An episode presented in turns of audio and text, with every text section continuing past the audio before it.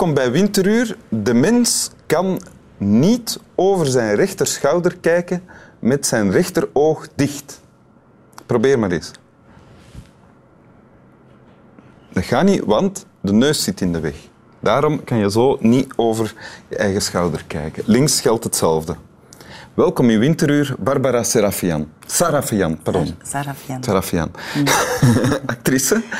Uh, een prachtig dier. Ik, ben nu, ik weet me nu omringd door prachtige dieren.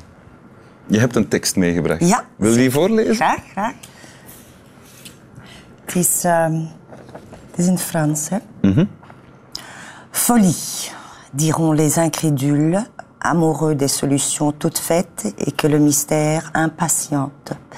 Non, car la perception des abîmes que recèle la vie et que les trois quarts des hommes ignorent et ne soupçonnent même pas, ne peut être traitée de folie qu'au même titre que le dédain de l'aveugle né pour les descriptions qu'un artiste lui ferait des splendeurs d'un coucher de soleil ou d'une nuit étoilée.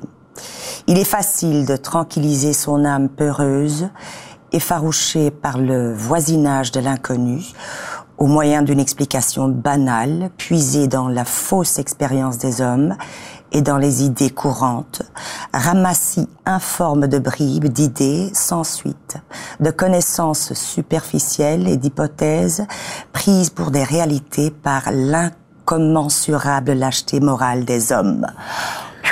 Haha. Ja, dat is een boterham, hè? Ja, en nu vertalen. Ik ga dat beknopt doen. Hè. Dat is een tekst van Isabel Eberhard. Isabel Eberhard ehm, had Russische roots, eh, leefde in het begin van de 20e eeuw. Ehm, en in haar familie hadden ze nogal anarchistische ideeën ook. Bakunin had eh, in de omgeving rondgewaard ook. Hè. Bakunin, de anarchist, de Russische anarchist. En ehm, dat had ze meegekregen van haar jeugd. Dus ze was ook heel jong, 25, 26, toen ze die tekst heeft geschreven uit de dagboeken. Ja? En wat zegt ze? Ze zegt eigenlijk, ik ben niet gek. Ik heb van alles te bieden. En het zijn de onwetenden die mij als krankzinnig gaan omschrijven. Ik, ik kan u zoveel schoonheid bieden als ik mijzelf mag zijn. Zoals heel veel kunstenaars, artiesten, makers. Ehm, het zijn de blind geborenen en de onwetenden die alleen maar naar zo'n termen en... en eh, waanzin en gek te noemen. omdat ze het niet kennen, voilà. En omdat het gemakkelijk is om eh, zichzelf in hun geweten te sussen wat ze niet kennen te omschrijven als gek. Ja. En dit stuk tekst komt uit een dagboek van haar. Hè? Inderdaad, ze heeft, eh, ze heeft vooral eh, dagboeken geschreven. Ehm, Dus dat, dit schrijft ze eigenlijk aan zichzelf. aan zichzelf. eh, en dat is eigenlijk om, om zich uit te drukken. Ze is op zoek. De, Isabel Eberhard schrijft het in de woestijn. Eh, dat is een, een Française met Russische roots.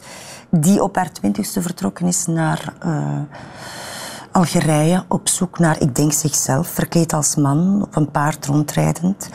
En eh, teksten schrijvend over de schoonheid van de woestijn en van het alleen zijn daar. Op een paard rondrijdend in de woestijn. Ja, ja, ja, ja. En hoe oud is ze geworden? Ze is 27 geworden. Ze is gestorven eh, in een eh, overstroming. Een modderstroom in de woestijn. Dat vind ik op zich al fascinerend. Maar ze heeft prachtige dingen geschreven. Hè. En dit is iets... Is dat je al lang kent? Ja. Dat is eigenlijk een soort bijbel voor mij. Af en toe kijk ik er terug in. Dit stuk tekst of heel die dagboeken? Die dagboeken. Ehm, eh, mijn vader heeft mij, denk rond mijn 15e, 16e, eh, dat pocketboekje gegeven van lees dat ook eens. eh, naast de schoollectuur. Hè. Pra- bij prachtige, prachtige lectuur hier in Mhm. Ja? Vlaanderen. En En jij kon wel goed genoeg Frans om dat allemaal te lezen en te maar- begrijpen. Ja, dat is opzoeken, hè. opzoeken, opzoeken natuurlijk. Hè. dat deed je dan wel? Je deed dan ook echt de moeite om dat... eh, Of te vragen, hè. ah, ja. Thuis. Wat wil dat zeggen? Maar zo werkt het niet. Hè? Als je een boek wilt begrijpen of eh, literatuur, dan moet je het zelf opzoeken. Al- Alleen dit al is ontdekken van taal. ja. Ehm, En je, dus je hebt dat toen leren kennen en je kiest het nu nog. Dus Ja, betekent wel echt iets dan. Toen Het- al ook voor jou. ja, omdat wat is wat- het fenomeen van dagboeken schrijven is dat zeggen ik heb honger, ik voel mij alleen. Dat is nogal banaal en saai. Hè? Zij heeft daar werkelijk mooie dingen mee geschreven. Hè? Met, met, het ja, uitgebrachte weten ook van haar dagboeken, want toen leefde ze nog. Ehm, schrijven aan uzelf, woorden maken. Maar ik bedoel ook de boodschap dan. De, het, uh, dat herken je toen in jezelf. Ja, van, ja, het raar zijn of het eh, als raar gepercipieerd worden. Dat is ook nooit verdwenen uit mijn leven. En, en, mhm. het is door dit te blijven lezen af en toe als bijbel, als troostende bijbel. Troost, geeft het jou troost dit? Ja? ja, dit geeft mij troost. Terwijl ze zich misschien een beetje Welke troost is dat dan? Is het dan van, van niet alleen te zijn met dat gevoel van raar zijn? Maar te zien dat, dat, dat er een bepaalde lichting van mensen in de mensheid hetzelfde voelen. Eh, en dat, het, dat ze misschien ver weg zijn of juist heel dichtbij. En het is door te schrijven, dagboeken te schrijven, dat je een vorm vindt om dat rare gevoel van jezelf te kunnen delen met mensen. Je schrijft jezelf ook dagboeken? Ja. Ja. Zou die dan ook ooit gelezen worden door... Uh als ik ooit in een modderstroom terechtkom. Ik weet dat niet. Um, ja, die, ik ben nogal controlefreak en ik zou wel de stukken eruit halen die voor niemands ogen zijn. Want je kunt nogal tekeer gaan in een dagboek over jezelf en anderen. Hè. Ah, ja, ja. En soms, soms is dat niet zo gemeend als dat het er lijkt te staan dan. Voilà, nee, dat is gewoon een eerste uiting, woord vinden. Ja. Terug naar deze tekst. Wat in deze tekst ook staat, is dus iemand de anderen noemen een manier van zijn, hè, uh, van de vrouw die hier aan het woord is, noemen dat raar en gek en waanzinnig. En zij zegt, uit, daaruit blijkt ons uh, misprijzen. Ja. ja. Maar de onwetenden hebben... Goh, Herken je dat dan ook, misprijzen, dat jij uh, de andere mensen voor jou hebben opgebracht? Omdat je te raar was of te anders? Tuurlijk, want je geeft eigenlijk onrechtstreeks een dwingende opdracht aan mensen om verder te kijken dan hun neus lang is. Want alles wat jij zelf doet, vind je maar logisch, normaal, voortstromend uit je impulsen. En, en uh, als mensen dit totaal niet snappen gaan, uh, krijgt je een eerste teken van onverschilligheid.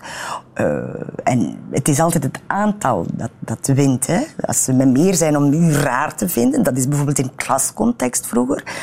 Uh, dat was is, bij jou ook het geval? Ja, ja, dan is dat benauwend. Dat is benauwend.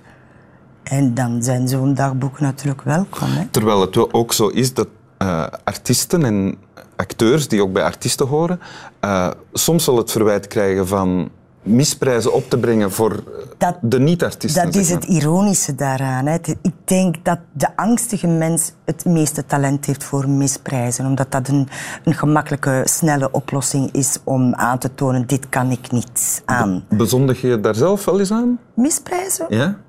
Ik, ben, ik sta daar kritisch tegenover als ik het zie bij anderen. En zelf zou ik het misschien doen, zonder dat ik het weet, maar ik zou mijzelf wel corrigeren. Ja. Uh, als ik iets aangeef uh, in een gesprek of in een dynamiek met iemand anders, dan wil ik wel dat dat ontvangen wordt. Hè. Al, is, al is dat maar een gebaar of, zo, of een gedachte. Eh, krijg ik misprijzen, dan ga ik misschien meedoen. En zei van, kijk, hier moeten onze wegen dan wel scheiden binnen in dit korte gesprek. ja. ja. snap Eigenlijk is dat gewoon uw rug draaien en zei van, kijk, ja, nee. Vroeger zou ik aangedrongen hebben om te blijven verbinden en te blijven elkaar beter leren die kennen. Die tijd is voorbij. Dat is voorbij. Ja, Oké, Wil je het nog eens voorlezen? Wil jij dat ik dat doe? Ja. ja. Oké. Voor mij. Ja. Folie, diront les incrédules. amoureux des solutions toutes faites et que le mystère impatiente. Non, car la perception des abîmes que recèle la vie et que les trois quarts des hommes ignorent et ne soupçonnent même pas, ne peut être traitée de folie qu'au même titre que le dédain de l'aveugle né pour la description qu'un artiste lui ferait des splendeurs d'un coucher de soleil ou d'une nuit étoilée. Il est facile de tranquilliser son âme peureuse effarouché par le voisinage de l'inconnu au moyen d'une explication banale, puisée dans la fausse expérience des hommes et dans les idées courantes, ramassis informe de bribes d'idées sans suite, de connaissances superficielles et d'hypothèses prises pour des réalités par l'incommensurable lâcheté morale des hommes. Incommensurable ja, lâcheté. Dat is een moeilijke, ja. ja. Wat betekent l'incommensurable? De, de, de ontzaglijke... Lafheid. Laf... morele lafheid of laffe moraal van de mens, des hommes, van de mensen. Ja. Eigenlijk maakt ze zich kwaad en vraagt ze om erkenning. Dat is het, denk ik. Oké. Muziekjes. Slap wel. Lappe.